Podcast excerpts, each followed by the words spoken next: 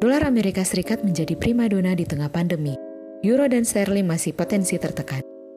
Halo Sobat Trader, kembali lagi bersama saya Ingrid dari Forex Simpro.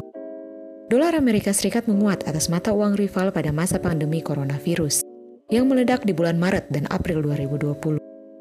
Dolar indeks yang mengukur pergerakan dolar atau greenback terhadap enam mata uang utama pada bulan Maret mencatat level tertinggi di 102,99 dan bulan April meski turun tetapi masih mencatat level tertingginya di 100,93.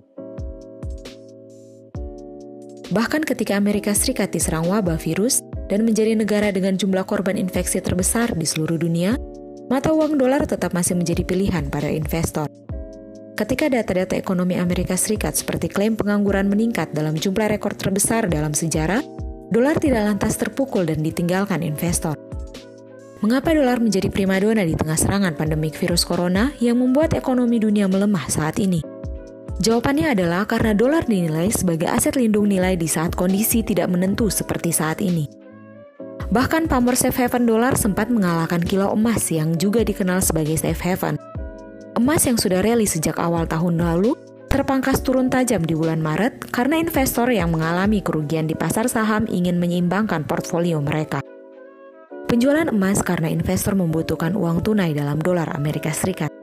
Pergerakan dolar juga sempat terkoreksi turun di akhir perdagangan bulan April.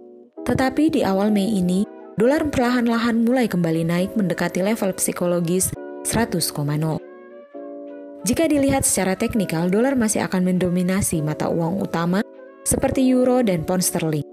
Euro USD saat ini berada di level 1,08300-an dan berpotensi kembali turun mendekati level 1,07674 dan 1,07260. Sementara GBP USD diprediksi banyak analis akan mengalami masa-masa kritis karena perundingan dagang Inggris dan Uni Eropa pasca Brexit akan menjadi pemicu perlemahan.